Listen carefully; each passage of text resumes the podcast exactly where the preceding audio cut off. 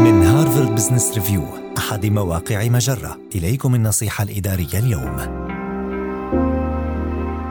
درب موظفيك على حل المشكلات بطرق جديدة. يصاب الموظف بالجمود أحيانا في أثناء حل مشكلة ما وقد يستسلم عندما لا ينجح بعد المحاولة الأولى أو يحاول مرة أخرى باستخدام الطريقة نفسها. يمكنك مساعدة مرؤوسك المباشر في توسيع مجموعة أدواته والنظر في أساليب جديدة من خلال التدريب. ابدأ بطرح بعض الأسئلة. ما هي المشكلة التي تحاول حلها؟ ما هي الأمور التي تسبب لك القلق؟ ما الذي يحبط الآخرين بخصوص هذه المشكلة؟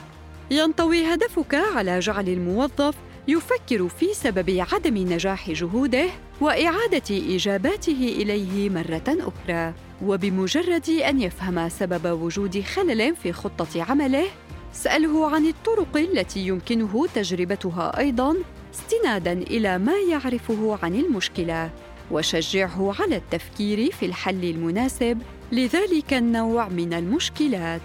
وتذكر أن دورك لا ينطوي على تقديم الحلول وإنما على توضيح الأسئلة التي يحاول الموظف الإجابة عنها وحثه على التفكير في وجهات نظر جديدة ومساعدته في التفكير فيما تعلمه.